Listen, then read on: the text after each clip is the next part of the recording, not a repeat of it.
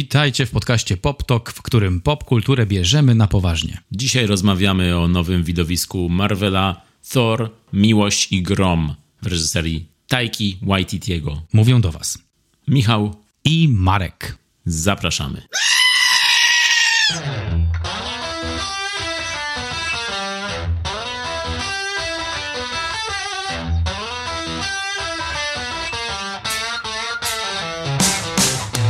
Dzisiaj zaczynamy od troszkę smutniejszych wieści, mimo że tematem odcinka jest e, Marvel, czyli kopalnia śmiechu i pozytywnych emocji. E, no to chciałem najpierw zacząć od tego, że zmarł legendarny aktor James Caan, znany najbardziej z roli Sonego z Ojca Chrzestnego. Mm, myślę, że rozpoznawalny na całym świecie Um, przede wszystkim w jego filmografii jest właśnie ten ojciec chrzestny, ale miał przecież na koncie też takie e, wielkie, wybitne role jak Misery. Grał tam pisarza uwięzionego przez e, Kathy Bates e, w ekranizacji Stephena Kinga.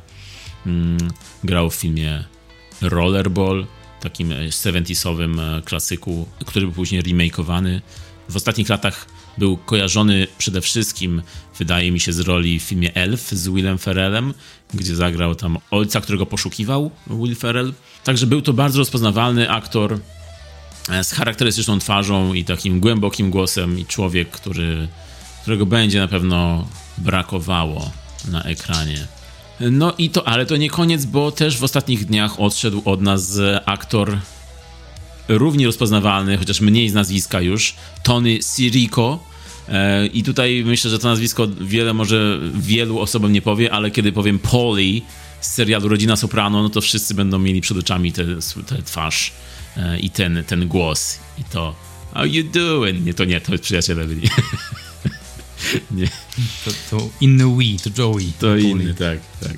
Ale w każdym razie, no, Poli z rodziny Soprano, no, postać, która jak się pojawiała na ekranie i, to po prostu, mimo że to był gangster, to miałeś ochotę go przytulić i zawsze rzucał jakieś śmieszne teksty, zawsze był takim humorystycznym akcentem, mimo jednak tematu serialu, to, to zawsze bardzo przyjemnie się, się, go oglądało. Nie tylko zresztą w tym serialu, ale na tym serialu się wybił, bo on był już wtedy dosyć no, w zaawansowanym wieku, kiedy zyskał sławę, a wcześniej grywał od lat 70.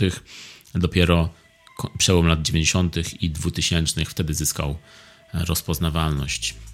Oglądałeś Rodzinę Soprano? W ogóle ciekawe, że teraz o to pytasz, bo całkiem niedawno zacząłem oglądać hmm. rodzinę, rodzinę Soprano kilka dni temu. No to są smutne wieści zawsze, ale widzę, że w podobnym klimacie, jeśli można tak powiedzieć, aktorzy grający w gangsterskich tematach, zarówno James Caan, jak i Tony Sirico, to pojawili się w takich produkcjach trudniejszych. No szkoda, szkoda, to zawsze jest e, strata, Także zapraszamy na poptokowe ne nekrologii co tydzień, w poniedziałek o 8 rano. Podsumowanie nekrologów z całego tygodnia. Ale Pauliego jeszcze mi się tak nie zarejestrował w głowie, żebym go tak pamiętał z imienia. We're not pals. Ale od tych smutnych wieści możemy przejść teraz do czegoś bardziej radosnego i czegoś, co nam trochę poprawi humory, myślę.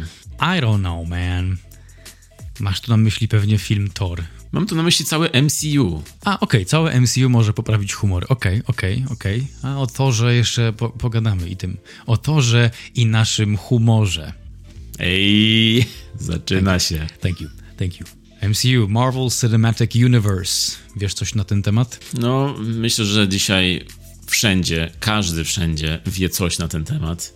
I to jest coś, czego nie da się uniknąć, nawet jak ktoś nie ogląda, jak ktoś twierdzi, że ja to nie jestem fanem filmów komiksowych, to i tak wie coś tam co nieco o MCU, czyli o, o, o uniwersum Marvela, kinowym uniwersum Marvela, które rozpoczęło się tak oficjalnie na dobre w 2008 roku filmem Iron Man. Czyli można powiedzieć, że MCU to taka kolonoskopia. Każdy coś tam o tym wie. Tak, z tym, że myślę, że kolonoskopii ludzie bardziej się boją niż MCU. Czy słusznie? Dowiecie się, słuchając tego nagrania. Czy jest już jakaś fobia związana z MCU? Na pewno jest jakaś fobia. Myślę, że przy, po tylu latach i tylu filmach to na pewno jest fobia związana na przykład z tym, że ktoś nie wie czegoś o MCU i boi się oglądać filmu, bo boi się, że coś straci i boi się, że czegoś nie zrozumie. Albo ktoś po prostu podzieli się swoją, swoją mało popularną opinią na temat diversity w filmach MCU i to może być taka fobia. Tak, i zostanie zakopany pod komentarzami w internecie.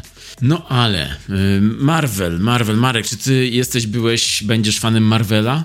Mark, Marek Marvel. Ej, to może być no, kolejna postać. To jest jakiś polski superbohater. Marek Marvel przez W. Śmiesznie. Ym, czy jestem fanem Marvela? Nie. Zawsze byłem takim fanem trochę Spidermana, ale czy całego Marvela? Nie wiem. Komiksy zbierałem, zbieram teraz komiksy DC i zawsze byłem raczej z obozu DC. Zawsze to był e, Batman. Eee no, rozmarzyłeś się na, na, ten dźwięk tego. Jak byłem dzieckiem, to miałem dwie zabawki. To był. E, a nie miałem. No okej, okay, miałem więcej zabawek, dobra. Myślałem, że tak jak w pogromcach duchów powiesz, miałem jedną zabawkę sprężyny, ale ją wyprostowałem. Dokładnie. To zabrzmiało. To, to, to, to sam się na to nadziałem. Zasłużyłem sobie na to. Miałem, miałem Spidermana z pontonem, pamiętam. Co? I know, random. A, ale to było w zestawie, czy po prostu połączyłeś to sam? To był, to był, ze... nie miałem faliówkę po bułkach i e, wziąłem pająka po prostu ze ściany. Mamo, patrz, mam Spiderman. To był, to był autentyczny plastikowy produkt, Spider-Man był przezroczystym Spider-Manem i miał ponton i mógł pływać. I chodziłem do swojego ówczesnego przyjaciela Christiana i bawiliśmy się, bo on miał Batmana i tak się zapoczątkowała nasza przyjaźń. I, I tak moja... się zapoczątkowało crossover uniwersowy Spider-Man z Batmanem. Podpisałem NDA, nie mogę o tym mówić. I cannot confirm nor deny ale wtedy zaczęła się moja miłość do postaci komiksowych i do tych dwóch postaci swoją miłość ograniczyłem, była najbardziej intensywna. Także Mar Marvela fanem niekoniecznie, DC fanem też niekoniecznie, ale, ale więcej rzeczy mam z DC jednak. Ale śledziłeś e, MCU? Filmy z y, tego uniwersum? Właśnie nie tak intensywnie, powiem szczerze, nie tak intensywnie. Na pewno, gdy MCU powstawało, nie miałem przestrzeni w swojej głowie na to, żeby śledzić, uuu, co to będzie z tych wszystkich komiksów, które do tej pory powstały, co tam wymyślą i co to będzie za mm, dziedzictwo. Po prostu gdzieś tam mm, leciałem z flow, które akurat ówcześnie Marvel Entertainment oferowało. Pamiętam, że był Hulk tak na początku jakoś jeszcze. Ten Hulk kilka razy się zmieniał, aktor grający Hulka Iron Man był na początku i wtedy nie traktowałem tego jako żadną fazę, to po prostu był film Marvela.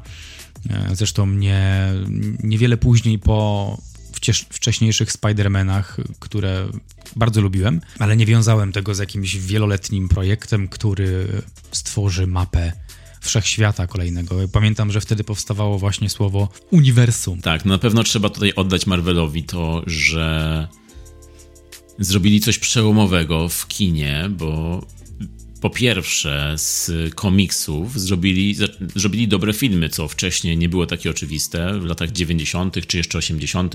powstawały filmy na podstawie komiksów, ale często były albo miały jakąś małą um, grupę fanów, albo były wyśmiewane raczej, albo były po prostu kiczowate. Były takie filmy jak Punisher z lat 80. z Dolphem Landgrenem, była później wersja Punishera z Travoltą i Thomasem Jane.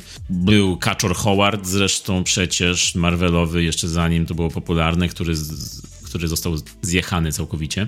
No i były filmy z serii o Spider-Manie, Sama Raimi, trzy części, które dopiero tak e, zyskały taką uwagę, że hej, z komiksu to można zrobić coś dobrego jednak. Mm, e, szczególnie pierwsza i druga część, zwłaszcza, przy trzeciej już mniej. Ale później, po tych paru latach już od Spidermana, powstał Iron Man, e, Człowiek z żelaza, Andrzeja Wajdy, i e, w nowej wersji właśnie tak. I to był moment, kiedy wszyscy raczej oglądali, wszyscy się interesowali. To nie był właśnie, tak jak powiedziałeś, moment, kiedy hej, to idzie coś nowego. Nikt tego nie myślał jeszcze. Ja na przykład oglądając ten film miałem go za takie kolejne widowisko, kolejny blockbuster w stylu Michaela Beya, coś, co można iść do kina, rozerwać się, obejrzeć efekty. I było to, był, był to dobry film też, trzeba powiedzieć przy tym, że naprawdę dobrze się to oglądało i było to dobrze, dobrze z, z napisane też. Był po drodze Hulk właśnie, który, który już był słabszy i szukał swojej drogi, bo bardziej myślę szukał Marka Ruffalo do tej roli, bo w poprzednich e, interpretacjach tej roli aktorzy się chyba nie sprawdzili. Dopiero, dopiero Rafalo został. No i powoli, powoli to MCU się wtedy budowało. Było to pierwszą fazą, czego jeszcze też nie wiedzieliśmy oficjalnie. I ja nie wkręciłem się w to bardzo, nie oglądałem tego tak, że wow, idzie nowy film Marvela, muszę iść do kina, muszę zobaczyć. Raczej nie, raczej oglądałem te filmy po latach, nie było tak, że chodziłem na bieżąco na nie, nie, nie oglądałem ich na bieżąco. Ironmana obejrzałem, później miałem przerwę, później może po latach obejrzałem drugą część i, i dopiero później po, po, po jakimś czasie, kiedy powstali Avengersi, kiedy to był taki moment, myślę, przełomowy, bo wcześniej nie było w kinie czegoś takiego, takiego wydarzenia, że wow, tutaj tyle osób z różnych światów, z różnych filmów łączy się w jednym filmie to było takie coś, co, czym można było wrócić do dzieciństwa, bo jak się było małym i się oglądało kreskówki, czy się, czy się czytało komiksy, to właśnie zawsze było takie uczucie, kurczę, co by było, gdyby ten i ten się spotkali w jednym komiksie albo w jednej bajce, to byłoby super. Zawsze było takie uczucie, ale nigdy jednak to nie było tak do końca dostarczone, a tutaj Avengersi po raz pierwszy dostarczyli to tak w pełni i to był taki moment przełomowy, który był końcem pierwszej fazy i później była druga faza i już można było się w to bardziej wkręcić. Ja też komiksy czytałem wyrywkowo, no bo to był taki czas, że nie można było dostać czego się chciało, tylko po prostu to, co było, to, to się czytało. Też lubiłem Spidermana, ale najbardziej lubiłem chyba, no najbardziej lubiłem zawsze Batmana, lubiłem Lobo, czy lubiłem takie troszkę, troszkę może mroczniejsze niż zabawne komiksy, chociaż Kaczor Donald Forever. No Lobo to w totalnym rok przecież był. Tak, jakoś, jakoś trafiłem na ten komiks, nawet nie pamiętam jak, po prostu miałem ten komiks i mi się bardzo spodobał i później szukałem kolejnych. W międzyczasie czytałem też Kaczora Donalda właśnie, więc e, to jest ta rozbieżność, ale tak. No i, no i właśnie, no i to MCU nie było też mi jakoś nigdy bardzo bliskie.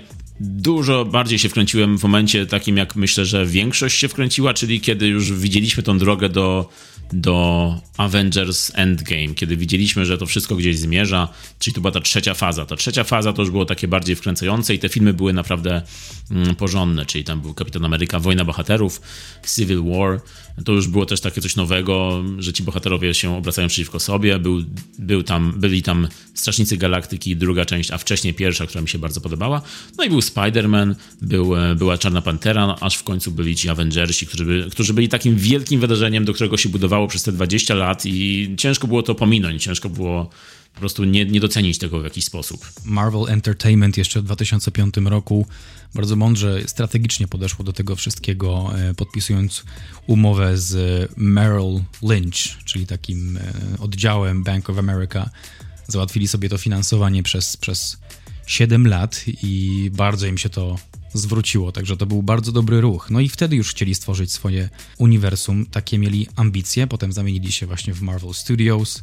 Plan na te filmy na początku był taki, żeby w jednym roku wypuszczać film z, z nowymi postaciami. Co roku film o postaci, którą już znamy i film przedstawiający nową postać. To była ta, ten plan na pierwszą fazę. Potem e, Kevin Feige, e, tutaj na czele stał tych wszystkich, realizacji tych wszystkich filmów, powiedział, że w idealnym świecie, no fajnie by było, gdybyśmy mogli w pewnym momencie te wszystkie postaci komiksowe w jednym, w jednym filmie mm, pokazać. Tak jak wspomniałeś już o Avengersach, to był ten moment przełomowy. Przy fazie trzeciej, czyli tej, w której na końcu pojawił się Thanos i Infinity War, czyli chyba Wojna bez granic, tak? To był polski taki tytuł. Od początku zakładali, że to będzie dekonstrukcja postaci dotychczas przedstawionych i pod koniec fazy trzeciej zobaczymy ostateczne starcie przed rozpoczęciem tej czwartej fazy, która jest teraz. Tak. E, Thor, Miłość i Grom, czyli dzisiejszy film, który, o którym będziemy mówić, to jest 29 film ogólnie w MCU, a szósty w czwartej fazie no to to są te, te 29 filmów obecnie, no to jest coś ogromnego, to jest niespotykane wcześniej i no, naprawdę robi to wrażenie. Z tym, że no jak, jak można się domyślać, w pewnym momencie następuje przesyt, bo już ta czwarta faza jest, koniec trzeciej fazy, początek czwartej to jest już ten moment, kiedy ludzie myślę, że stracili zainteresowanie trochę. Ja, ja straciłem bardzo po, po, trzeciej fazie zainteresowanie i tutaj jak zaczęliśmy tak gadać, to przypomniało mi się, że ja w, właściwie to ja byłem w takim środowisku, które śledziło każdy kolejny krok Kevina Feige, Marvel, jak jakby kierunek, w którym idą. Tylko ja po prostu, mnie to nie interesowało. Trzecia faza, byłem w trzeciej fazie chyba najmocniej, taki za, zaangażowany w to i pamiętam, że właśnie już dobiegała końca i te osoby z mojego środowiska już wiedziały, że będzie czwarta faza już wiedziały, że będzie piąta, uuu, i wszystko, że będzie się kręcić. A ja tak obejrzałem koniec tej trzeciej i uznałem, ale super finał, that's, I'm good. I'm good, bo potem już czwarta faza była nastawiona stricte na produkcje telewizyjne i przedstawianie nowych postaci. To już też jest ten etap, kiedy e, Disney przejęło ster. No właśnie ten Disney, który przejął i ten Disney Plus, który teraz wszedł i, i produkuje te wszystkie seriale i przywłaszczył filmy dla siebie. Myślę, że to rozumiem to, ale nie jest to do końca dobry kierunek dla tego całego MCU. Wydaje mi się, jest to naturalne, że po prostu chcą się rozrastać i robić na różnych polach teraz różne rzeczy, ale jest to na przykład dla mnie moment, kiedy no nie, nie mam ochoty się tym wszystkim tak jarać, bo wiem, że tego jest tak dużo i tego się po prostu nie da, nie da ogarnąć nawet. Nie da się tego śledzić już tak na bieżąco. Obejrzeć wszystkie seriale, które są na MCU, z czego wiem, że wiele jest złych. Obejrzeć wszystkie te filmy, czekać na kolejne filmy, które, które się mnożą, e, bohaterowie, którzy się mnożą jeszcze na, na ekranie, więc niedosłownie. E, w każdym razie, ten moment, kiedy nastąpiło multiversum, to jest też taki. Multiversum, właśnie, jeszcze to słowo było. Rzeczywiście, rzeczywiście bardzo dobrze to weszło do, do języka potocznego i jest często używane. Ja też go używam już, no bo po prostu ono jest i ono ma sens. To multiversum, czyli to łączenie tych wszystkich linii czasowych Mm, już też tak bardzo skomplikowało, z jednej strony skomplikowało wszystko, fabuły wszystkich filmów i losy bohaterów, ale z drugiej strony też tak ułatwiło, bo wiemy na przykład, że okej, okay, jeden zginął w jednym, multi, w jednym uniwersum, to wiemy, że tam w innym świecie on żyje i może wrócić i te wszystkie stawki na przykład emocjonalne już malały dużo bardziej, bo wiemy, że wszystko się może zdarzyć wszędzie i wiemy, że nic nie jest ostateczne w tym uniwersum. Dokładnie, dobrze powiedziane. Także, czy jest życie po Thanosie? Czy jest życie po Thanosie? Do you believe in life after Thanos? Ale jest, bo jest, bo, bo, jest, bo MCU ma już plany na przyszłość. Jakie plany? Plany MCU ma na kolejne filmy. Mają wyjść, chyba z pięć z nich ma wyjść w kolejnych dwóch latach, 2023 i 2024. Nie są to potwierdzone tytuły, są to potwierdzone daty konkretne, ale może się jeszcze wydarzyć kilka rzeczy i te daty będą zmienione, także nie, nie jest to w kamieniu. W tytułach planowanych pojawia się m.in. Blade, nowy Deadpool, Kapitan Ameryka, nowy Shang-Chi, nowy Thunderbolts, więc nowy zestaw superbohaterów mógłby wejść do MCU i jakiś niepotwierdzony tytuł o mutantach, więc może X-Meni, a może nie X-Meni, może coś innego, tych mutantów trochę było. Także oni mają, oni mają wszystko zaplanowane, a mało tego, do 2032 już mają zaplanowane kolejne produkcje, tylko jeszcze nie są w realizacji. No i rzeczywiście jest kilkoro bohaterów i kilka marek, które wcześniej tak? A, jest kilka marków, które wcześniej nie, nie, nie były jakby pod banderą Disneya, które dopiero teraz przeszły, wróciły e, do, do nich. I na przykład właśnie X-Meni, na przykład Blade. jest trochę tutaj nowych bohaterów, którzy jeszcze mogą, a jeszcze Deadpool też, bo Deadpool teraz jest disneyowski, co też jest trudne do wyobrażenia sobie,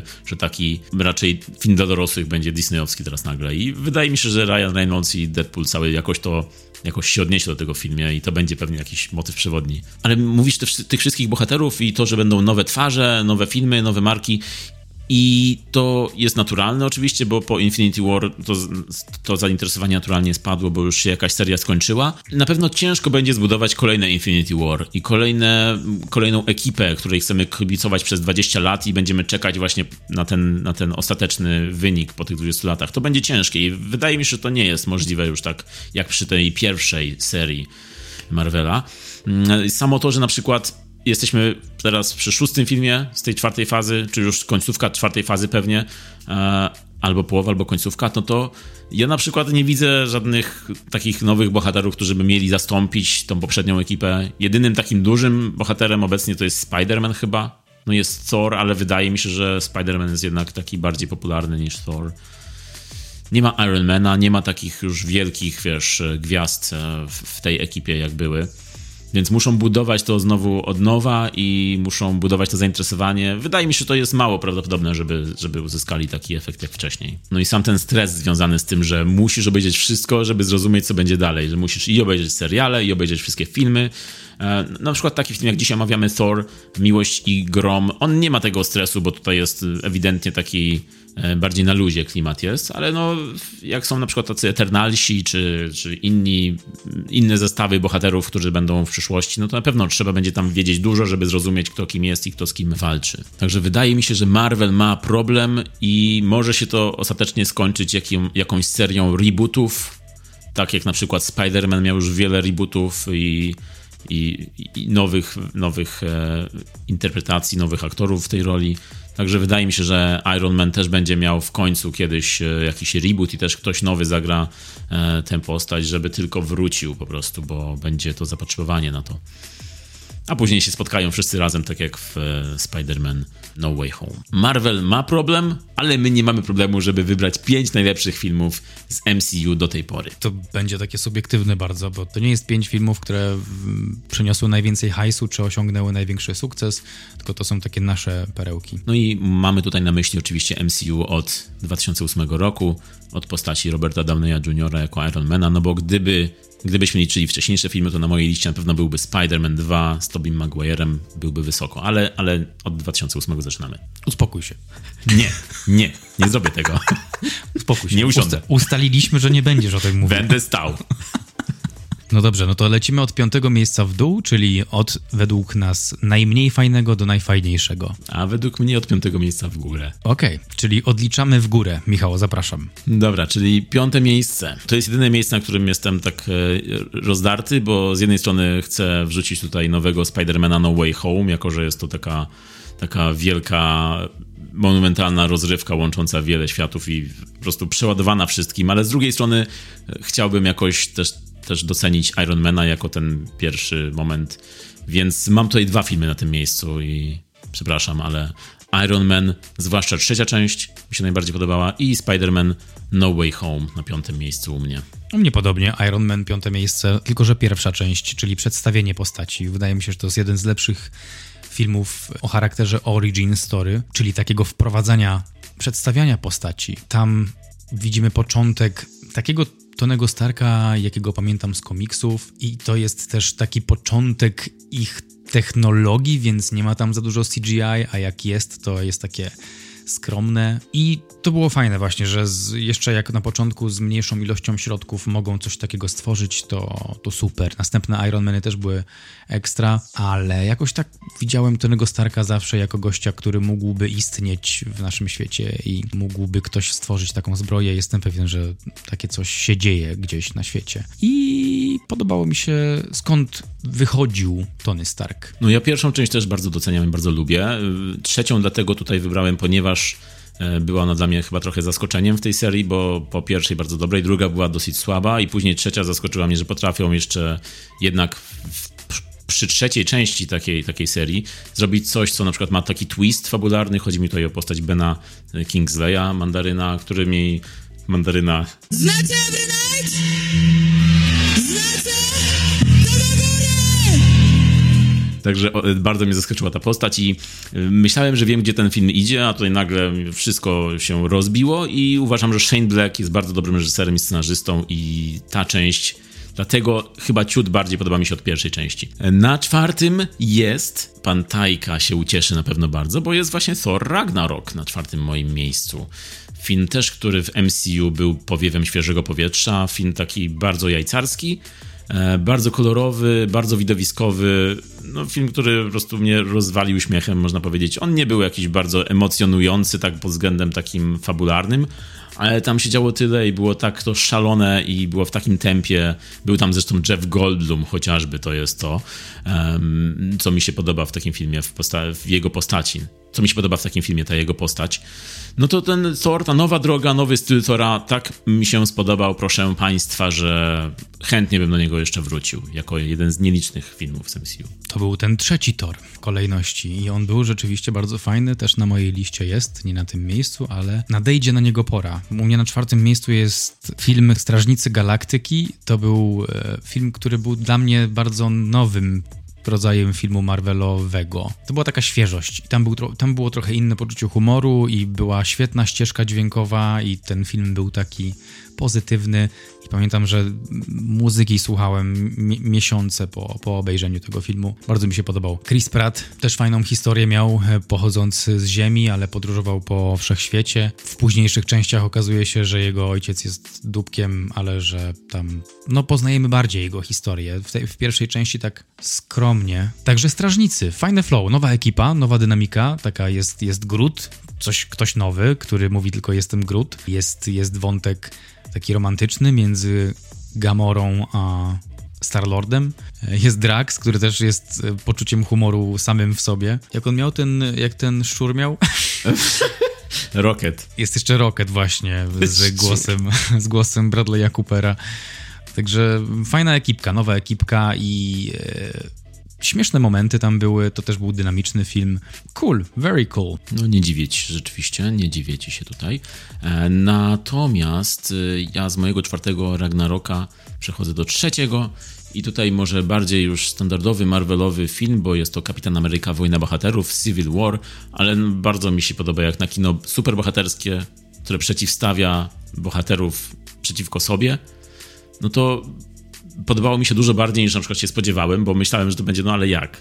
Wiadomo, że oni są razem, nawet jak walczą z sobą, to wiadomo, że się pojednają. To, to jednak odczułem to bardzo, to, to, tą walkę ich i te, to było przez braci Russo tak dobrze na, namalowane to, ten konflikt, że powiem ci, że i emocjonalnie, i rozrywkowo ten film mi się bardzo podobał postaci, mimo że było ich tutaj dużo, to każda jednak miała jakiś taki swój moment, y, potrafiła tak dobrze docisnąć e, swoją, swój wątek, że od Ironmana po Antmana, po właśnie e, po Spidermana, który tam się pojawiał, e, no to bardzo, bardzo mi się ten film podobał, bardzo go odczułem i to jest też jeden z takich filmów, do których mogę wrócić. Jest tam wszystko, co, czego można oczekiwać od kina akcji, czyli jest tam wiarygodny konflikt, są e, bohaterowie, którzy mają jakieś wady, są mniej przejrzyści niż do tej pory byli. E, no i jest naprawdę do, duża dawka emocji i można było ten film odnieść jako paralelę ze współczesnym światem. On miał tam jakieś podłoże, miał odniesienie do, do, do rzeczywistości. A to był rzeczywiście ciekawy koncept, żeby superbohaterów skłócić między sobą nie jest to tak dobry koncept jak w The Boys. The Boys trochę jest bardziej rzeczywisty, osadzony w rzeczywistości, ale w komiksach pojawiał się ten motyw, że oni walczyli ze sobą, wojna bohaterów i fajnie w filmie to przedstawili, więc czaję wybór. U mnie na trzecim miejscu jest Czarna Pantera i niesamowity soundtrack i w kurcze fajne origin story też Czarna Pantera z głównym aktorem Chadwickiem, Bowsmanem. Świetna historia. To też był zupełnie inny film. To był trochę przedstawiał takiej czarnej kultury w, w muzyce. To było coś unikatowego znowu, co przedstawił Marvel i też wiele miesięcy spędziłem z tą ścieżką dźwiękową, z tymi bębnami, z tymi afrykańskimi rytmami. Pff, super, super, też bardzo mi się podobało. Ja króciutko, tak, to był fajny film, super, wow, ładny, ale super obraz, kurczę. No tak można powiedzieć o wszystkich filmach Marvela, też tak mam właśnie teraz mówiąc o tym, o tej topce, to rzeczywiście o każdym można powiedzieć podobnie, każdy trzyma poziom po prostu. Ale dobra, drugie miejsce, drugie miejsce u mnie to jest Avengers Infinity War, wojna bez granic, moment przełomowy, taki właśnie po początek końca tej trzeciej fazy i taki moment, kiedy po prostu wszyscy walili do kina na, na, na ten film. I kiedy film się skończył, wszyscy po prostu czekali. Wszyscy już w tym momencie chcieli siedzieć w kinie i czekać, aż będzie druga część, kontynuacja. Tak było, potwierdzam. I moje drugie miejsce to również ten film. Także no, ja też to odczułem. Mimo, że wielkim fanem Marvel MCU też nie byłem jakoś wcześniej, no to, to w tym momencie moje emocje naprawdę tak sięgnęły tam sufitu w tym kinie. I ten finał A, filmu... Sufit w kinach jest wysoko, więc musiało daleko na druga być. Także widzisz, dlaczego ten film jest na drugim. E, dlatego jest tak wysoko. I ten finał, i ten finał, który po prostu przyszedł tak niespodziewanie i to było takie wow, tak można zakończyć film? Myślałeś sobie, że tyle osób tam zginęło, tyle ludzi... No film się źle skończył po prostu. No to w MCU to był chyba pierwszy raz, kiedy finał był niesatysfakcjonujący. Tak, i to, i to, i to był to był chyba główny powód tej świetności tego filmu, że tak zostawił wszystkich fanów z głęboką, ostrą szpilą w sercu i rzeczywiście pamiętam ten wydech rozczarowania na sali, jak okazało się, że they dead, man. I musimy czekać e, kilka lat na kolejną część, żeby zebrać w sobie pokłady nienawiści i, i zemsty wobec e, antagonisty z Infinity War. Piesek wokół nas chodzi i chyba też udzieliły mu się emocje, bo zaczął tak gwałtowniej tupać. Powiedziałeś o e, suficie w kinach i zdenerwował się. Sufity, sufity są wysoko. ja tam nie sięgam. Kłamie. No i właśnie jeszcze też Infinity War to, co dobrze robiło, to łączyło przecież mnóstwo, mnóstwo bohaterów i mimo, że tam był naprawdę multum było tych, można powiedzieć, multum versum było tam tych bohaterów. Specjalnie dla ciebie, Marek. Dziękuję serdecznie. To, no to mimo, że ich tyle tam było, no to każdy był w jakiś sposób, no może nie każdy, ale większość była w jakiś sposób tak, miała satysfakcjonującą obecność na tym ekranie i każdego można było w jakiś sposób odczuć. To było też super. Na moim pierwszym miejscu jest... Nie wiem, co, nie wiem, co to było. Nie wiem, co to było. W każdym razie na pierwszym miejscu u mnie są Strażnicy Galaktyki, których wymieniłeś już teraz i... Znaczy, wymieniłeś przed chwilą ten soundtrack po prostu do dzisiaj słucham. No. I są to, wiadomo, kawałki, jest to kompilacja, ale jest tak świetna kompilacja, że chyba lepiej się nie da. Strażnicy Galaktyki, tutaj mogę do, dokleić jeszcze drugą część, która też mi się bardzo podobała. No, Strażnicy Galaktyki to był taki moment, którego się też nie spodziewałem w MCU, bo uważam ten film za naprawdę arcydzieło kina rozrywkowego. Jest to taka, takie kino nowej przygody, jak kiedyś Spielberg robił, czy George Lucas, czy inni z tamtego okresu, tylko że uaktualnione i dużo, dużo lepsze od niektórych ich filmów, można powiedzieć tak. Film, w którym postaci właśnie już wymieniłeś się, więc nie będę mówił, ale każdą z tych postaci bardzo lubię po prostu. Nie ma tam kogoś, kto, o, teraz jesteśmy z nim, poczekam, przeczekam ten wątek i wrócimy do kogoś innego. Nie, wszyscy są super i każdy wprowadza coś innego do tej ekipy. To jest taka zgraja wyrzutków, mm, co jest też bardzo fajne w, tej, w tym klimacie. Ja też tak myślę, Michał. Cieszę się. Ale totalnie się zgadzam. No, fajnie tak też parafrazujesz to. No nie, nie chcę powiedzieć, że to, co ja powiedziałem. No tak, tak, po prostu no, zapisałem sobie to, co powiedziałeś i używam synonimów teraz. tak, dokładnie to robisz, wyczułem to, ale nie mam nic przeciwko, bo po prostu bardzo lubię ten film. Chris Pratt fajnie w ogóle gra tego Star-Lorda, on też dużo wnosi do, do tej roli.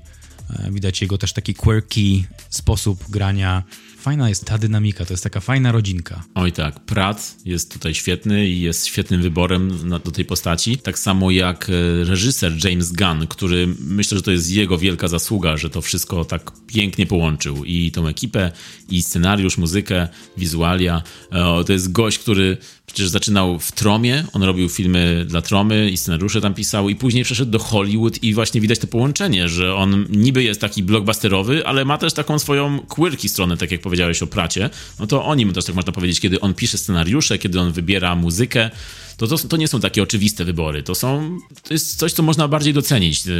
To coś, co nie taki zwykły, przeciętny widz, wiesz, rozumie, wie wszystko, tylko na przykład jest tam nawiązanie do Kaczora Howarda, którego też nie każdy nie każdy złapał to nawiązanie na przykład, ale fani, tacy, którzy siedzieli bardziej w tym, no to widzieli takie rzeczy. Dobrze, to teraz dla tych fanów, którzy nie za bardzo siedzą w tym, czym jest Troma? Troma, czyli ta wytwórnia, która robiła i robi nadal od wielu, wielu lat filmy niskobudżetowe, filmy obrazoburcze, takie filmy jak Toksyczny Mściciel, Toxic Avenger, ale też Tromeo i Julia. Okej. Okay. No i oni robią filmy, które po prostu już więcej i mocniej się nie da. Tam i jest wszystko obrzydliwe i poczucie humoru jest bardzo takie niskich lotów, ale zrobione z takim, z taką pewnością siebie i przekąsem, że ciężko się nie śmiać. Nawet jeśli nie lubisz jakiegoś tam klozetowego humoru, no to na ich filmach możesz się zaśmiać też. No ja bardzo lubię Tromę i tą wrażliwość Gana właśnie w przełożeniu na MCU uwielbiam.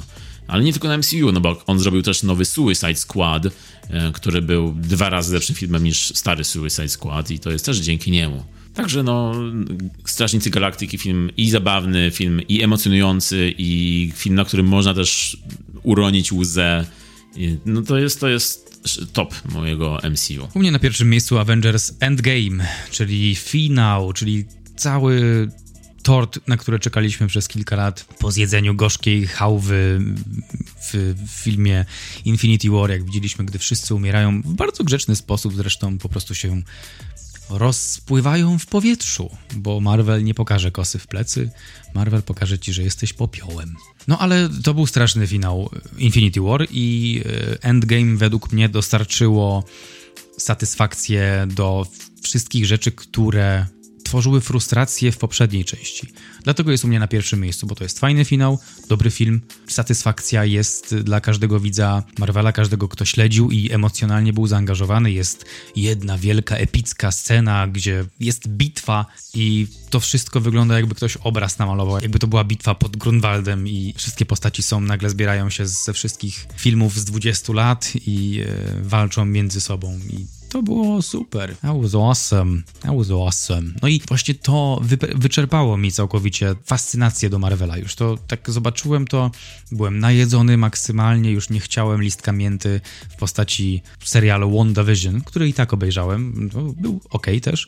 W fajnej konwencji był e, tworzony. Ale to był dla mnie finał. To już domknąłem ten temat. To było dla mnie to closure, którego potrzebowałem, i wtedy już mogłem odpocząć, odpłynąć sobie na tej łódce i zostawić świat na wyspie i ja sobie podążać w nowych, w nowych kierunkach. Popłynąć do Walhali. Na przykład. Także to, to pierwsze miejsce. Dobrze, rozumiem, rozumiem. E, też bardzo lubię ten film. E, natomiast Infinity War myślę wykorzystało, już wyczerpało dla mnie wtedy Avengersów. Już pomyślałem, że lepiej się nie da niż tam.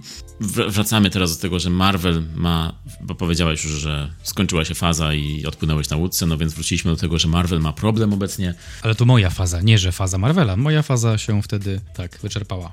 Dobrze, zeszła z ciebie faza. I teraz jesteśmy w czwartej fazie oficjalnej, e, która, w której właśnie szóstym filmem jest Thor. E, chciałem powiedzieć Ragnarok. Nie, przecież to jest Miłość i Grzmocenie. Love and Thunder. Tak będę mówił o tym filmie. No i właśnie te problemy Marvela, no też pro, problemy, oni nadal zarabiają tony pieniędzy i nadal ludzie chodzą na te filmy do kina. Zarabiają Thory pieniędzy? A ja w ogóle myślałem, że tutaj stracili dobrą szansę na tytuł, bo Thor 4 powinno być, ale nie jest. Nie wiem dlaczego. Nie wiem, kto to przegapił tę okazję, ale... Taika Waititi, o którym będziemy też dzisiaj gadać właśnie. To jest jego wina, to jest wina Taiki Davida Coena oryginalnie. Ten winowajca to aktor, reżyser i w ogóle malarz, bo wcześniej malował, zanim zaczął robić filmy. W wieku 30 lat postanowił napisać e, scenariusz i go zrealizować. A urodził się w 75. Też nasz miesięcznik. Już w kioskach. On w ogóle zaczął od bycia częścią grupy komediowej, która nazywała się So You're a Man. W latach 90. podróżował z tą grupą, taką komediową, i był w niej m.in. Jermaine Clement, czy Brett McKenzie, czyli grupa z Flight of the Concords. Dla mnie był znany na początku, to była pierwsza rzecz, jaką kojarzyłem z jego nazwiskiem, to było Co robimy w ukryciu? What We Do in the Shadows, chyba angielski tytuł. Tak. Potem w moje pole widzenia weszło Flight of the Concords, czyli to był zespół taki muzyczny, ale oni też robili serial. Tak, no to była taka grupa jakby komediowo-muzyczna, która zasłynęła z tego serialu Flight of the Concords po prostu. Yeah, exactly. It's business time. It's business. It's business time. To jest świetne, jeśli ktoś tego nie słyszał, jeszcze nie widział, no to wejdźcie natychmiast na YouTube'a i obejrzyjcie. Albo obejrzyjcie jeszcze pięć razy i dopiero wróćcie. Potem było coś, co, coś dla mnie nowego, serial In Betweeners, taki serial o nastolatkach w liceum, trochę takie skrzywione zwierciadło Myślałem, że skrzywione zwierciadło Beverly Hills 9210. Oj, no może tak, no tak, powiedzmy. Trochę Mandaloriana reżyserował, Thor Ragnarok, Jojo Rabbit. To są te filmy, z których ja go znam. Przejął fach chyba po tacie, bo tata był artystą, mama była nauczycielką. Znaczy jest chyba jeszcze, to jakby to ten. I ciekawa rzecz, bo nazwiska Cohen początkowo używał do tworzenia filmów. Gdy tworzył filmy, pisał filmy, a Waititi używał do malowania, czyli Waititi nazwisko ojca, a Cohen nazwisko matki. Pod tym nazwiskiem Waititi zrobił swój pierwszy film krótkometrażowy pod tytułem Dwa samochody, jedna noc, Two Cars, One Night i ten film został nominowany do Oscara w kategorii najlepszy film krótkometrażowy. Ten film można obejrzeć na YouTubie, to jest z 2003 roku film. I właśnie dlatego później został już jako Waititi w swojej karierze filmowej, no bo po prostu tak musiał. Ale to była ta zmiana, no nie? Bo na początku był Cohen, a potem już, ale dobrze, że został YTT. Cohenów już mamy. Inny styl. Tak. Tak, Different a person. YTT jest taki, od razu zapamiętujesz nazwisko YTT.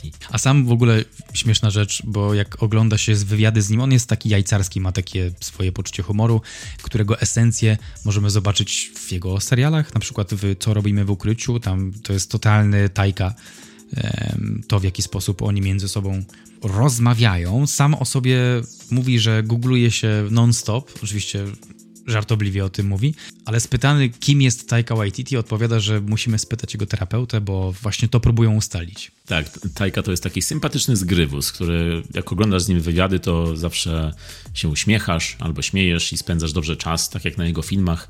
Chociaż w jego filmach widać więcej y, też dramatu nie tylko komedię, bo w wywiadach to jest głównie komedia. On nie potrafi się skupić na pytaniu i odpowiedzieć poważnie. On zazwyczaj coś, odpowiadając poważnie, nagle skręca gdzieś w jakąś komedię i nie wiesz, co jest prawdziwą odpowiedzią, a co nie. A w jego filmach jest e, właśnie najczęściej. Najpierw jest komediowo, jest lekko, po czym wchodzi dramat i zaczyna się robić tak że nie wiesz, czy to będzie komedia czy dramat. I to jest fajne u niego. On ma taki styl już od swoich pierwszych filmów, czyli najpierw był Orzeł kontra Rekin w 2006 pierwszy film pełnometrażowy, a później film Boy i film Dzikie Łowy, Hunt for the Wilder People, film z 2016 roku. E, taki ostatni przed, przed MCU to był. Mm, I to są filmy właśnie, które, które łączy to, że one są takimi komediodramatami. One są ciepłe, mają dużo takiego poczucia humoru takiego trochę lekko innego niż się przyjęło w mainstreamie, ale mają też sporo takich właśnie rodzinnych dramatów. To, że on pochodzi z Nowej Zelandii, no to to też ma na to duży wpływ, bo on ma taki właśnie, jak on sam mówi, nowozelandzki styl bycia i nowozelandzki humor, którego też możemy nie do końca znać, no bo nie ma wielu takich przedstawicieli Nowej Zelandii, którzy by tak ten swój humor na co dzień w kinie mainstreamowym eksponowali. Tak, dla mnie Nowa Zelandia w kinie to Taika Waititi. Tak, no i jest jeszcze oczywiście Peter Jackson, ale no to jest całkiem inna ranga. On zaczynał od takiego mm, kina właśnie niezależnego, jak Martwica Mózgu i to było też takie nowozelandzkie, można powiedzieć, ale później oczywiście był Władca Pierścieni, więc już całkiem inna kategoria. No ale wracając do Tajki... Nie znam żadnej Tajki, No to o dzisiaj chodzi? ale byłem ostatnio na masażu tajskim i, czyli znam Tajkę, okej, okay, dobra, kłamałem. Znaczy, znam ją, znaczy moje ciało ją zna. Niekoniecznie dobrze. Moje stopy. Moje stopy. Nadal idziemy Nadal w dziwnym źle. kierunku. Um, dobrze. Ech, fuck. Um, dobra, nie znam żadnej tajki. Nie znasz. Jednak, jednak ta wersja, że nie, nie znasz. Nie, tak, tak, tak. Dobra, dobra. Wracając do tajki. Do tego tajki, nie tej tajki. E, po Dzikich Głowach przyszła właśnie pora na Marvela. Marvel się nim zainteresował i dobrze, bo właśnie wtedy powstał Thor Ragnarok, czyli coś, co, jak już mówiliśmy w naszym top, coś innego w MCU, coś, co było takim zatrzymajmy się na chwilę i po prostu się nacieszmy tym, co się dzieje. To był taki film, że po prostu się pośmiejmy. To nie musi być poważnie, to nie musi nigdzie zmierzać, to może być kolorowe, szybkie, um, zabawne i pełne pełne dobrej muzyki, pełne ładnych obrazków. No i przede wszystkim z Thorem Hemsworthem, który zmienił całkiem swoje oblicze i stał się takim też bardziej śmieszkiem ala YTT niż wcześniej był superbohaterem. No i oczywiście jeszcze jeden film, który trzeba wymienić, to jest Jojo Rabbit, film YTT'ego, który powstał w 2019 roku i który otrzymał Oscara za najlepszy scenariusz. YTT odebrał go e, i później schował pod fotel w słynnej, słynnym memie, słynnej scenie z Oscarów kiedy Waititi chował Oscara sobie pod fotel. Zresztą a propos Oscarów, to kiedy był na nominowany za ten swój pierwszy film krótkometrażowy, to też z grywu z nim się obudził i kiedy był wyczytywany, jego nazwisko było wyczytywane jako nominowany, no to on udawał, że śpi. Także on jest zawsze z grywu 100%. Ale przechodząc już do tego dzisiejszego naszego tematu, no to Thor. Przyszła pora na Thora.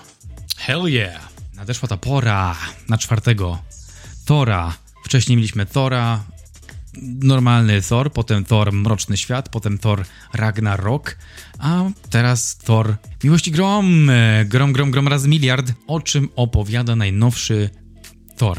O Thorze. Koniec. Dobranoc. Thor jest ziutkiem, którego już znamy wszyscy z poprzednich trzech filmów, no i też z Avengersów. Jest e, nordyckim bogiem, bogiem burz i miał taką fazę, że trochę był załamany, więc trochę przytył i internet o tym wie powszechnie, że jest też gruba wersja Thora. To tak by the way była fajna rzecz, którą zrobili z Thorem w tych Avengersach. Ale y, gdzieś tam wraca do formy i jeździ na, na akcje z strażnikami galaktyki i walczy z nimi. I w ogóle, by the way, to, to jest chyba dobra pora na to, żeby wspomnieć, że oglądałem ten film niespecjalnie w polskim dubbingu. Więc jestem zraniony bardzo. Co? Co? Dowiedziałem Co się na sali dopiero jak, jak wszedłem i e, poleciał Tor. Troszeczkę się spóźniłem e, i zobaczyłem, zobaczyłem Tora mówiącego po polsku. What? Strasznie, straszne doświadczenie, więc to nie wpłynie na ocenę, bo obiecuję, ale, ale powinno. Myślę, że, myślę, że to Powinno. wpłynie. To wpłynie na pewno na ocenę. To musi wpłynąć na ocenę. To jest... Strasznie się oglądało, ojejku, jak, jak po polsku jak walczył, Ua, ua, yeah, jakby, nie, nie wiem czy wiesz, ale yeah na polski tłumaczone jest yeah, Tak było naprawdę? poważnie, poważnie, poważnie. O, współczuję ci. Nie? Także rzucał po polsku Stormbreakerem i rozwalał wszystkich z ekipą. Czekaj, powiedz mi, ja- jaki był żart, kiedy nazywali Jane, Judy Foster i Jane Fondą? Czy była jakoś Nic Krystyna takiego nie Janda? było. Nic takiego nie było. Nie było. Nie, nie wiem o czym Krystyna mówisz. Janda? Nie? Nie wiem o czym mówisz. Nie mam pojęcia, nie wiem. Pewnie, ale nie zdziwiłbym się, gdyby to była właśnie ta osoba, albo jakiś staropolski przysłów. Kiedyś to było, a teraz to nie ma. Jakby coś takiego było, to widzę to, widzę to. No to nie, no to, to, to ja, ja zaskoczyłem się idąc do kina i pani mi powiedziała w kasie, że czy ma pan okulary 3D, bo ja nie, byłem, nie wiedziałem, że to jest film 3D w ogóle, więc, więc ja mówię, okej, nie mam, muszę kupić. Ale gdybym się jeszcze zaskoczył, że jest film z dubbingiem, no to bym chyba wyszedł, ale, ale nie. Ale na szczęście nie miałem wersji z dubbingiem. Więc już chyba wiemy, że będziesz miał wyższą ocenę. Ale nie, nie, nie, dobra, dobra. Bez, bez tego filtru. Widziałem film, tam nie było polskiego dubbingu. Wytnij to, Marek, z głowy. To był po prostu Thor. To był Krzysztof. Nie wiem, co znaczy Hems, ale warty Hemsa. Warty szynki. nie. nie, to nie jest ham. No ale oglądałem Krzyśka. Krzyśka i Natalkę. Thor jest tam smutnym człowiekiem. On ma w sobie pustkę, którą też dostrzega Star-Lord i którą mu wy, jakby zaznacza, że ona jest i mówi też Thorowi, że on musi coś z tym zrobić, musi to ogarnąć. E, musi ją jakoś zalepić czymś albo domknąć jakiś rozdział i wtedy zupełnym przypadkiem pojawiła się Jane w jego życiu. Oczywiście zobaczył, że wszechświat potrzebuje pomocy, dużo miejsc naraz potrzebowało pomocy przez akcję Gora, czyli e, zabójcy bogów. No i jednym z miejsc dotkniętym przez, te, przez ten terror jest Ziemia, czyli miejsce, które nazywa się Nowy Asgard, w którym ląduje Thor i okazuje się, że Jane trzyma Mjolnira, czyli jego poprzedni młotek. Jego były młotek, można Jego powiedzieć. ex. Tak. Można powiedzieć, bo w tym filmie widzimy ewidentnie, że to jest jego ex. Tak. No tak, no to, to mamy tutaj fabułę mniej więcej, oczywiście na razie bez spoilerów, ale właśnie to, że, zaczę, że ten film zaczął się od Strażników Galaktyki, bo przecież po Avengersach wszyscy mieli nadzieję, że to będzie jakiś team-up teraz, że Thor będzie latał ze Strażnikami i tu będzie z tego jakiś film. No to niestety oni żegnają się z nim na początku filmu i sobie odlatują. To było trochę rozczarowujące, bo myślałem, że oni tu zagrają jakąś większą rolę, a to było takie, polecieli, była taka, taki skrót wydarzeń, co się działo w międzyczasie i Thor zostaje sam. A przecież z nimi miał bardzo fajną chemię. Hemsworth mógł tutaj pokazać swoje umiejętności komediowe, bo przecież to, że on uznaje siebie za lidera Strażników Galaktyki, to jest pięknie wygrane jako komedia. I to, kiedy on, kiedy on rozmawia ze Starlordem i tak się wychyla i chce, żeby ten Starlord na niego patrzył, z takim pięknym uśmiechem się wychyla Hemsworthowym, no to jest po prostu złoto komediowe. Hemsworth potrafi bardzo takie sceny zagrać i jest do tego. No, został właściwie odkryty przez Waititiego dopiero, bo wcześniej w Thorach on nie był tak komediowy jak tutaj. Tutaj jest postacią naprawdę stricte komediową przez cały film praktycznie. Tak, zdecydowanie to się pojawiło. W momencie, gdy Tajka wszedł na pokład, wcześniej Thor był męskim mężczyzną, który dzierżył młota i władzę i wszystkich uciśnionych wyratowywał i gdyby tak żył przez następne ileś lat, to miałby miażdżycę bankowo albo jakiś zawał. Ale no to było takie inne kino, to było mroczne kino. Jak na Marvel, to te pierwsze dwie części były takie wizualnie mroczne. Dopiero jak taj, Tajka się pojawił, to nagle okazało się, że hej, poczucie humoru. A wcześniej było tak bardziej I am Thor i tradycja, i walka o kobietę, i o świat, i jeden człowiek, jedna misja. Tutaj z Tajką widzimy trochę więcej kolorów. Tak, i zresztą te pierwsze dwa tory, e, one są taką średniawką, można powiedzieć, Marvelową, bo to są jedne z takich słabszych raczej filmów Marvela, kiedy Marvel raczej utrzymuje poziom, zawsze te filmy są takie no, rozrywkowe i chociaż raz można je dobrze obejrzeć. No, to tory są takie typowo na raz i są szarobure przez cały film. Nie ma tam tego, za co teraz znamy i lubimy Tora, czyli właśnie to, to szaleństwo kolorów i szaleństwo humoru, które właśnie YTT wprowadził. No i sam Thor wygląda bardziej kolorowo, bo jego strój tutaj jest taki błyszczący, taki niebiesko-czerwono-złoty, bardzo charakterystyczny więc Thor zrobił się bardziej modny. E, no i też jeszcze ciekawostka taka jest, że od początku, kiedy Hemsworth zaczął grać e, Thora, to Marvel i studio um, wydało taki zakaz, że nie wolno zasłaniać jego twarzy i włosów Hemswortha, bo on jest taki piękny, że nie można, no, nie można mu kłaść żadnego hełmu ani nic, chociaż przecież w komiksach Thor miał hełm i, i jego twarz nie była zawsze widoczna, to w filmach musiała być zawsze ta twarz widoczna, bo był zbyt ładny, żeby go zasłonić. A tutaj w tej nowej części e, Thor przywdziewa w pewnym momencie jednak hełm, który, który, z którego też był słynny w komiksach. I w ogóle te jego stroje są takim też nawiązaniem do komiksów starych i nowych, do różnych, bo on tutaj przez cały film ma różne rodzaje tych strojów. I YTT też zadbał o to, żeby tak mrugać trochę do, do widzów, którzy lubią tę postać z komiksów. W Nowym Torze antagonistą głównym jest Gor. To jest zabójca bogów, to jest człowiek, który stracił e, kogoś bliskiego dla siebie i, i którego misją jest zemsta na bogach. Dlatego zdobywa miecz i rusza na misję zabijania. I właśnie no Thor i teraz w tej nowej części Jane e, są bóstwami, są bogami, dzierżą władzę, Bush więc na nich też poluje. Nie jest to chyba spoiler, bo to było w zwiastunie, to, że Jane staje się Mighty Thor, potężnym Thorem, czyli to, że zbiera jego młot Mjolnir, sprawia, że zmienia się w Thora, czyli mamy dwóch Thorów, Thorkę i Thora. Samo to, że Jane pojawia się w tej, w tej roli, według mnie jest trochę wygrane tak jest to naciągane, że ona się pojawia tam i ten Mjolnir nagle magicznie się łączy, mimo że w poprzedniej części został zniszczony przez Helę, przez Helenę.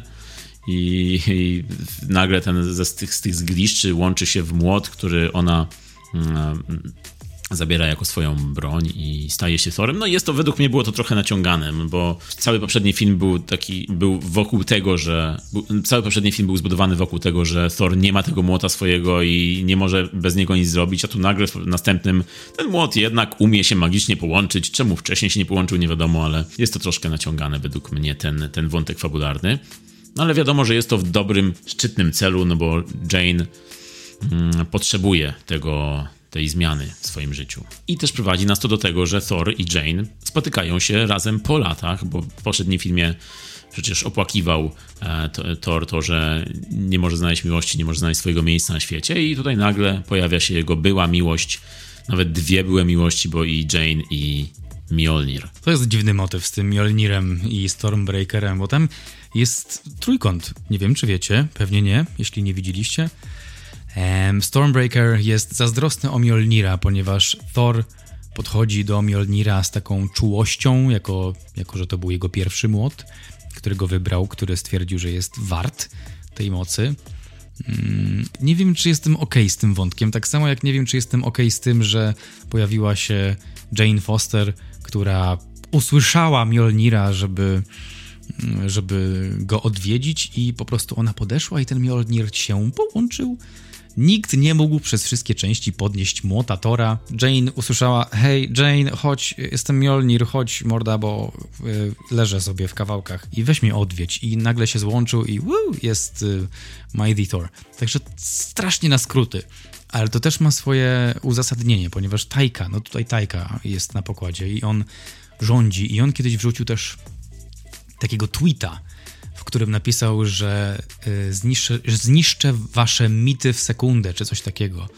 I on bardziej chciał powiedzieć, że przez tego tweeta chciał powiedzieć, że on tradycję teraz odrzuca, czyli to, co działo się do tej pory z Torem, to, że on był Bogiem, że miał, że byłeś warty lub nie podnoszenia młotów, e, że miał tą siłę, że słońce w niego świeciło, ale nie spaliło i ta cała moc jest teraz oddalana, tego już nie było, bo teraz jest miłość i co, no nie, no muszę mówić grzmocenie, bo, bo tamta, tamto słowo zawsze z opóźnieniem do mnie dochodzi. Tak jest. Wiesz, jak się czuję już. I tamto, tamto już jest nieważne, teraz po prostu tworzymy, teraz bawmy się tym, co mamy, bawmy się materiałem, bawmy się scenariuszem. E, więc bardzo naciągane momenty i e, takie, takie bardzo odchodzące od, od e, poprzednich faz Marvela, to po prostu miała być komedyjka taka e, na miarę, na miarę rozumu tajki. Jakkolwiek to brzmi. Jej. Ja, ja, ja to rozumiem i rzeczywiście, gdyby to było takie, takie przełamy, my, przełamy my Marvela, przełamy my, ale słowo, przełamiemy Marvela, to będzie lepsze. Dobrze, to, to w akcji użyj tego słowa. To teraz przełamiemy. Tak, to jest lepsze.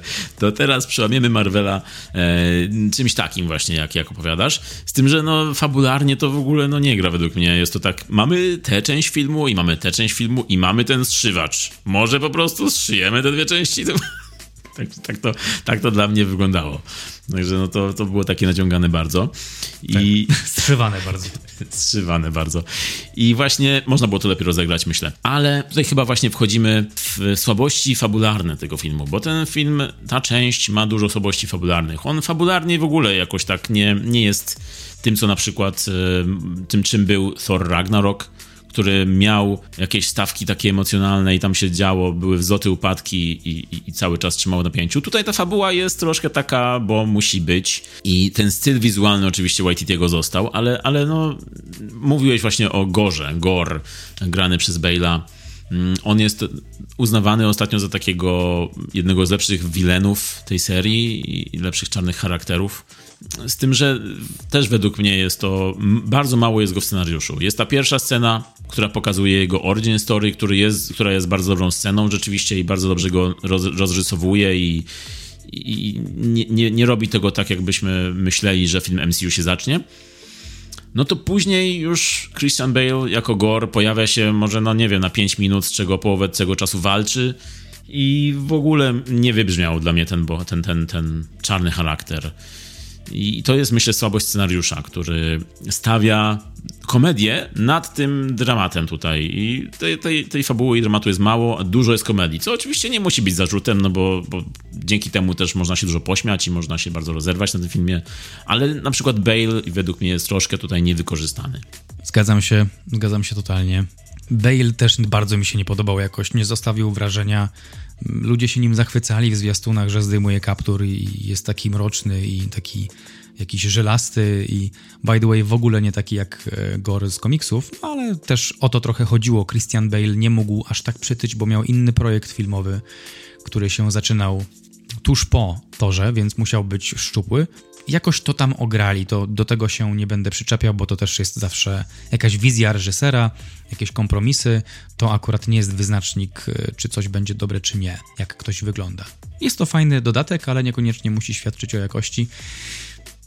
Christian Bale był takim po prostu obrzydliwym złolem, któremu smoła leciała z buzi i syczał. Takim, mimo że nie chcieli, żeby to był Voldemort, to troszkę nim był. Tak, z wyglądu rzeczywiście, zwłaszcza i, i te zęby. I, i przypominał mi też trochę Pennywise'a 100, y, klauna, te świecące oczy i wygląd i to zachowanie. No Bale, Bale jest świetnym aktorem i samo to, że pojawił się w filmie MCU to już jest wyczyn, myślę, że go ściągnęli tam, bo on był chyba jednym z niewielu aktorów, którzy jeszcze nie zagrali w Marvelu.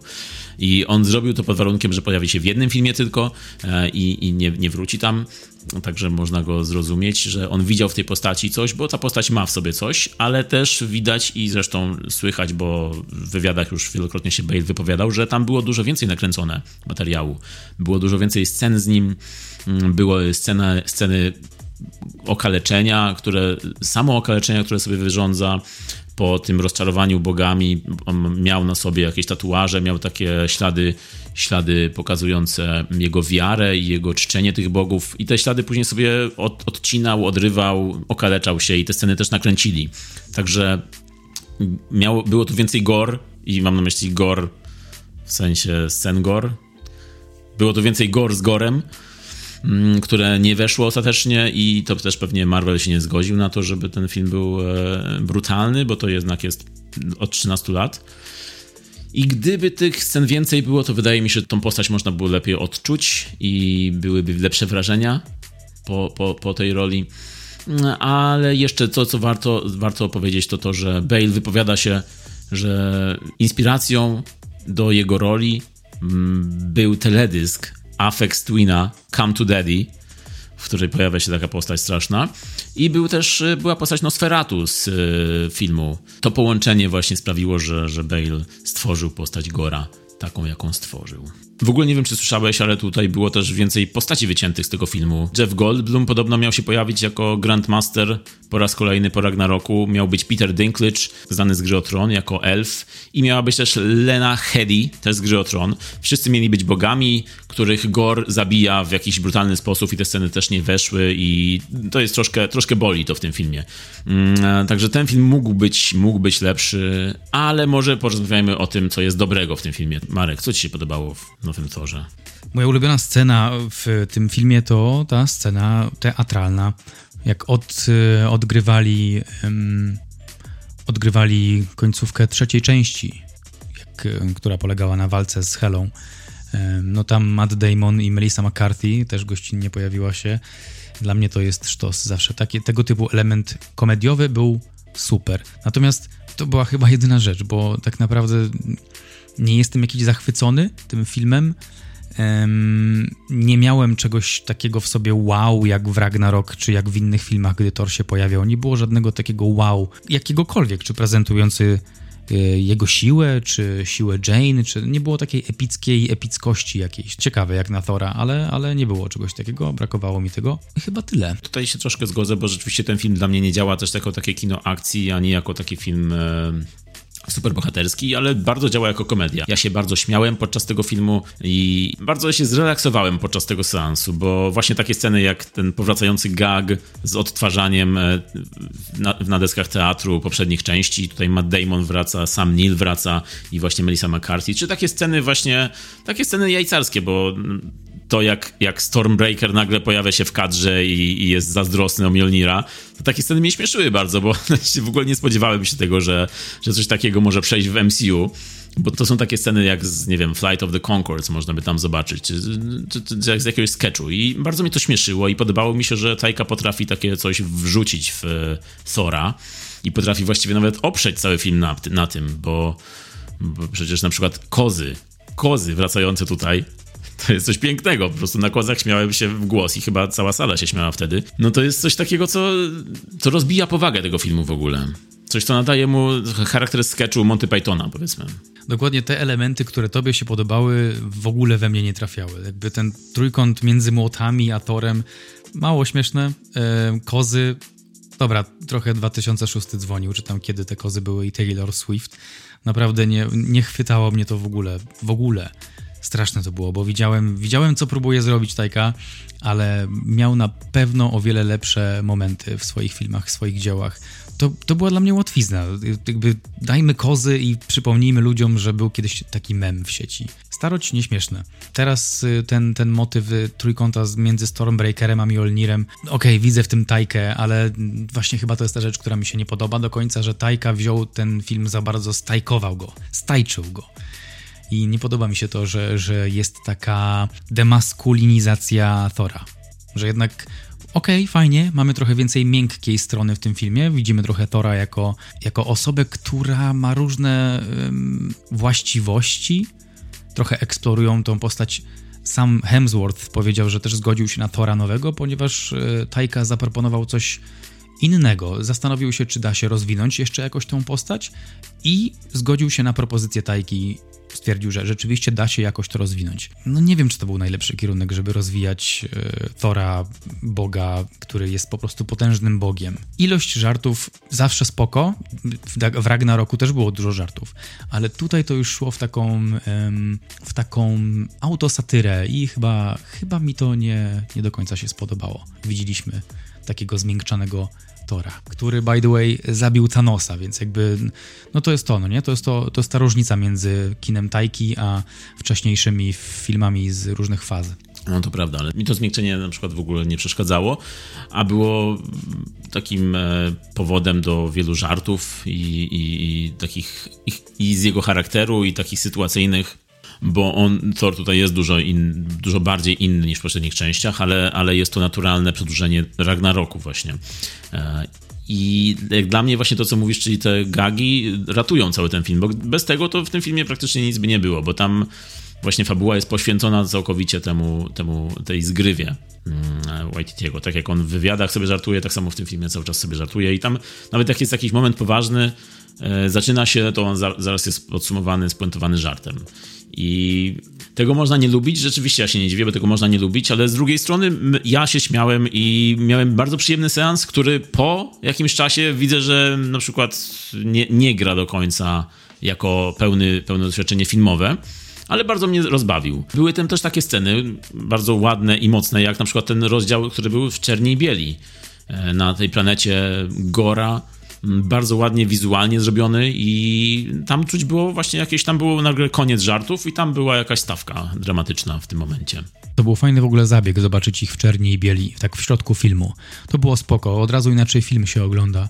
E, natomiast ja nie czułem jakiegoś mega zagrożenia. To, to było... To było jakbym, trochę jakbym jadł, kiedyś była taka zupa mleczna z makaronem. trochę cukru. Poor people diet.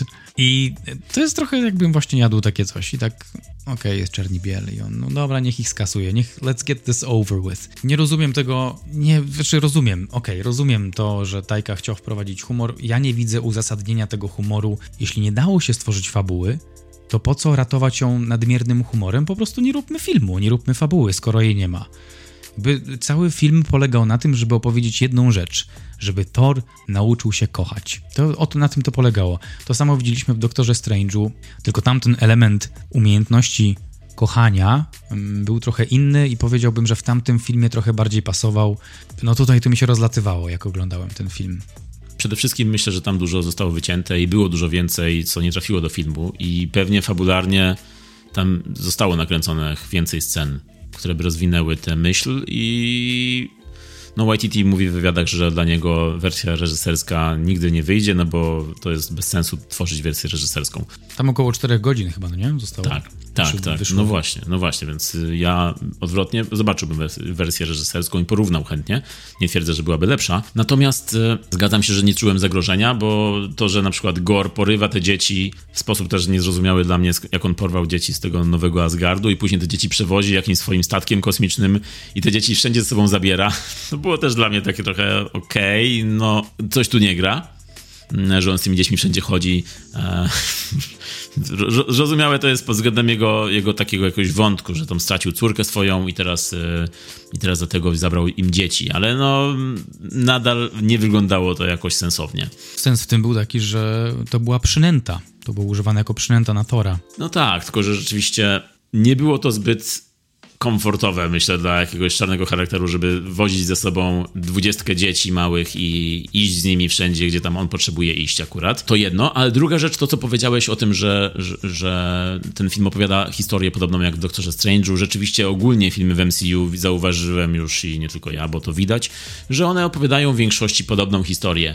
Mm, I to są zawsze te same motywy, które wracają, właśnie to nauczenie się miłości, e, współpracy z innymi. To są motywy, motywy, które zawsze i w komiksach, i tym bardziej w MCU wracają, a to są bardziej widoczne, bo te filmy jeden po drugim idą i. I w pewnym momencie, tak jak teraz, myślę, następuje zmęczenie materiału. Myślę, że przy torze właśnie tym nowym nastąpiło takie zmęczenie materiału. Jest już taki moment, kiedy mówimy, ok, już może coś nowego zróbmy. Waititi chciał zrobić coś nowego, ale nadal chciał jednak zostawić ten, ten stary schemat fabularny, tylko że chciał go wzbogacić, na przykład iść bardziej w komedię.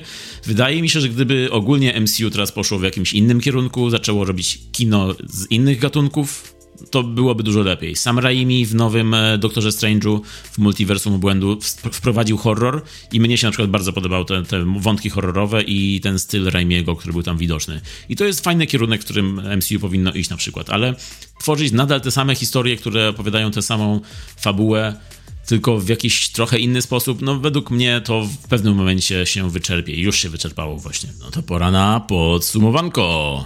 Thor Miłość i Grom to czwarty z kolei e, film o Thorze, drugi Taiki Waititiego, pierwszy tak by the way wyreżyserował Kenneth Branagh, o czym nie wiedziałem do końca.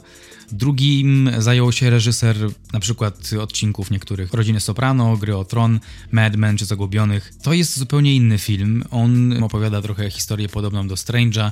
Tu chodzi o jakąś zmianę Thora, który w pewnym momencie w tych filmach zaczął być bardzo zagubionym Thorem, takim trochę żartował z siebie, trochę taki próbował znaleźć swoje miejsce i e, tutaj widzimy tego apogeum. Tutaj Thor jest bardzo takim fizycznie jest niby potężnym i jeśli chodzi o moc, jest potężną postacią, ma ogromną moc, ale tutaj jest takim człowiekiem, takim chłopakiem, który nie za bardzo yy, ogarnia swoje emocje i jest w tym filmie dużo, dużo żartu. Tajka i Chris zdecydowali się na taki zabieg, tak to nazwę, demaskulinizacji Thora.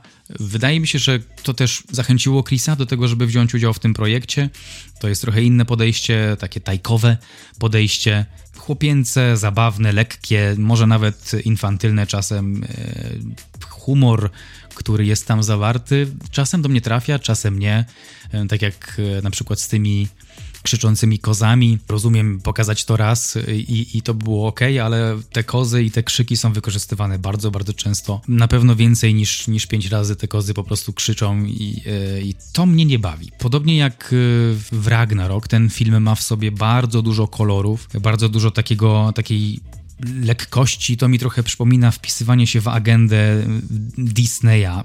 Tak, tak trochę to jest lekkie teraz. Wcześniejsze Thory były pokazane jako takie mroczne i takie, takie trudne, e, mimo że de facto no nie były trudne, to była bardzo prosta historia, ale, ale reprezentowały taką siłę. Jak nawet zobaczymy film to była chyba druga część, kiedy Jane Foster po raz pierwszy się pojawiła, a teraz zobaczymy tego nowego Thora. To są zupełnie inne filmy, zupełnie inne opowieści. W tym filmie mamy dużo do czynienia z miękką stroną Thora, e, ze swoją uczuciowością, ze swoim miejscem na świecie. Nawet gladiatorski Russell Crowe zachowuje się tutaj bardziej zniewieściale, co też było świadomym zabiegiem i Russell był bardzo ok z tym, żeby nadać postaci Zeusa pewnego flirtu, nazwijmy to tak. Także wszyscy byli na pokładzie z tym pomysłem Waititiego, żeby tego Tora trochę zmienić i to, to częściowo wyszło. Muszę przyznać, że były momenty, kiedy dobrze się bawiłem na tym filmie. Były takie momenty, które nie sklejały mi się w głowie za bardzo, jak na przykład to, czemu Jane jest Mighty Thor i czemu tak źle reaguje, gdy nazywa się ją panią Thor. Ona to szybko prostuje i chce być nazywana Mighty Thor albo Thor. Ostatecznie Waititi świadomie burzy taką tradycję stworzoną przez no, mitologię chociażby filmy z poprzednich faz Marvela. Super, szanuję to, że poszli w innym kierunku, na pewno coś innego pokazali. Y, czy pokazali Thora z innej strony, może inaczej, czy Thor okazał się inną postacią poprzez e, ten film, czy rozwinięta jest ta postać? Tutaj mam pewne wątpliwości. Ja daję 6 na 10. Czyli chyba najmniej ze wszystkich Thorów, bo poprzednie były 7, 7, 8 Ragnarok i teraz wracam do szóstki. Mm -hmm. No, rzeczywiście yy, idąc tropem Ragnaroku, no to ten miłość i grzmocenie będę konsekwentny, e, jest odtwórczy względem poprzedniej części i najlepsze momenty, najlepsze motywy z nowej części bierze z poprzedniej. E, czyli styl przede wszystkim, żarty, komedie. To jest coś, co było w poprzedniej części, tylko że tam było lepsze fabularnie i była ta, ta, ta komedia bardziej obudowana. W czwartym Thorze nie czuć już wagi historii, nie czuć tutaj za bardzo fabuły, mm, nie czuć nawet tego czarnego charakteru, ale film nadal śmieszy, bawi, potrafi zrelaksować w fotelu kinowym. Mnie zrelaksował. Mm, jest to takie kino trochę tak czułem podczas seansu kino rockowe. No pewnie tutaj dużą e, zasługę zrobiła muzyka Guns N' Roses, która wraca w kilku momentach. Wykorzystanie kilku piosenek Guns N' Roses zrobiło bardzo dobrze temu filmowi. Mm, I zawsze miło usłyszeć November Rain w scenie starcia e, jakiegoś ostrego. Mm, e, no ale właśnie nie wszystko tutaj działa niestety. Mm, jest tutaj dużo fajnych detali, często są to ciekawsze detale od całej fabuły. Mm, są tutaj takie anegdoty, czy też e, nagle zbaczanie z kursu, jakby scenarzysta miał lekkie ADHD. Tutaj patrzę na Tajkę i nie mógł się trochę skupić na tej fabule. I, I, właśnie te puenty, te żarty były dużo ważniejsze mm, od innych rzeczy. Właśnie decyzje reżyserskie, takie jak postać Russella Crowe jako Zeusa, to są decyzje, które, które będą wywoływać e, bardzo różne bardzo kontrastowe reakcje, czyli jednych na pewno odepchnie od filmu, drugich może bawić, ale jest to, taka, jest to takie coś, co jest konkretne. To jest postać, która jest na jednej cesze, mm, jest, ma być postacią komediową typową, mimo że to jest Zeus. Właśnie to jest ten kontrast, który ma stworzyć ten gag. Także, także Taika Waititi, jak to Taika, jest frywolny w tworzeniu swoich historii, jest frywolny w tym podejściu do MCU, dodaje dużo od siebie, zmienia fabułę komiksów. No tutaj Valkyria i Jane te dwie postaci damskie, czyli Tessa Thompson i Natalie Portman, to naprawdę super babki, z tym, że mają tutaj trochę mało do zagrania, zwłaszcza Tessa Thompson, która tylko jest, a tym bardziej porównując do jej postaci w poprzedniej części która była dużo bardziej rozbudowana i skomplikowana. Tutaj po prostu sobie chodzi e, z głównymi bohaterami. Mm, a Natalie Portman miała już nie wracać do tej roli pokłóciła się z twórcami podczas drugiej części, ponieważ ona chciała, żeby filmy reżyserowała kobieta. Wybrała nawet reżyserkę, ale ta reżyserka została odrzucona przez Marvela i ona później już nie chciała wracać do tej postaci po tej części, ale Taika Waititi na, nakłonił ją do tego, żeby zakończyć jakoś ten wątek Jane w porządny sposób. No i zakończyli ten, ten wątek. Natomiast Christian Bale, główna atrakcja tego filmu, to miała być główna atrakcja tego filmu, bo rzadko jednak widzimy sytuację, w której Batman staje się Jokerem. E, czyli jednak You live long enough to see yourself become a villain. Można by powiedzieć o roli Gora w tym filmie, ale no niestety ta rola jest też tak przycięta i tak okrojona, że mogłoby to być coś dużego, a nie jest. No, natomiast no tutaj nadal muszę oddać temu filmowi, co jest należyte, czyli to, że jest to bardzo fajna komedia, to, że ma, ma naprawdę fajny styl, jest wizualnie fajna, jest e, muzycznie bardzo dobra i jest to film, o którym myślałem podczas oglądania lepiej niż e, kilka dni po. Jeśli chodzi o moją ocenę, no to podczas seansu była to siódemka. Im więcej myślę o tym filmie, to jest pewnie bardziej szóstka, ale no mimo wszystko myślę, że warto to chociaż raz obejrzeć, żeby się dobrze bawić na nim jeśli jest to wasz klimat. Tak, zdecydowanie nie jest to już nordycki klimat. Sorry, taki mamy klimat. 2010 zwolnił. To tyle na dzisiaj. Dziękujemy za uwagę, za słuchanie że jesteście z nami. Słyszymy się niebawem. Mówili do Was Michał i Marek. Do zobaczenia, usłyszenia w następnym.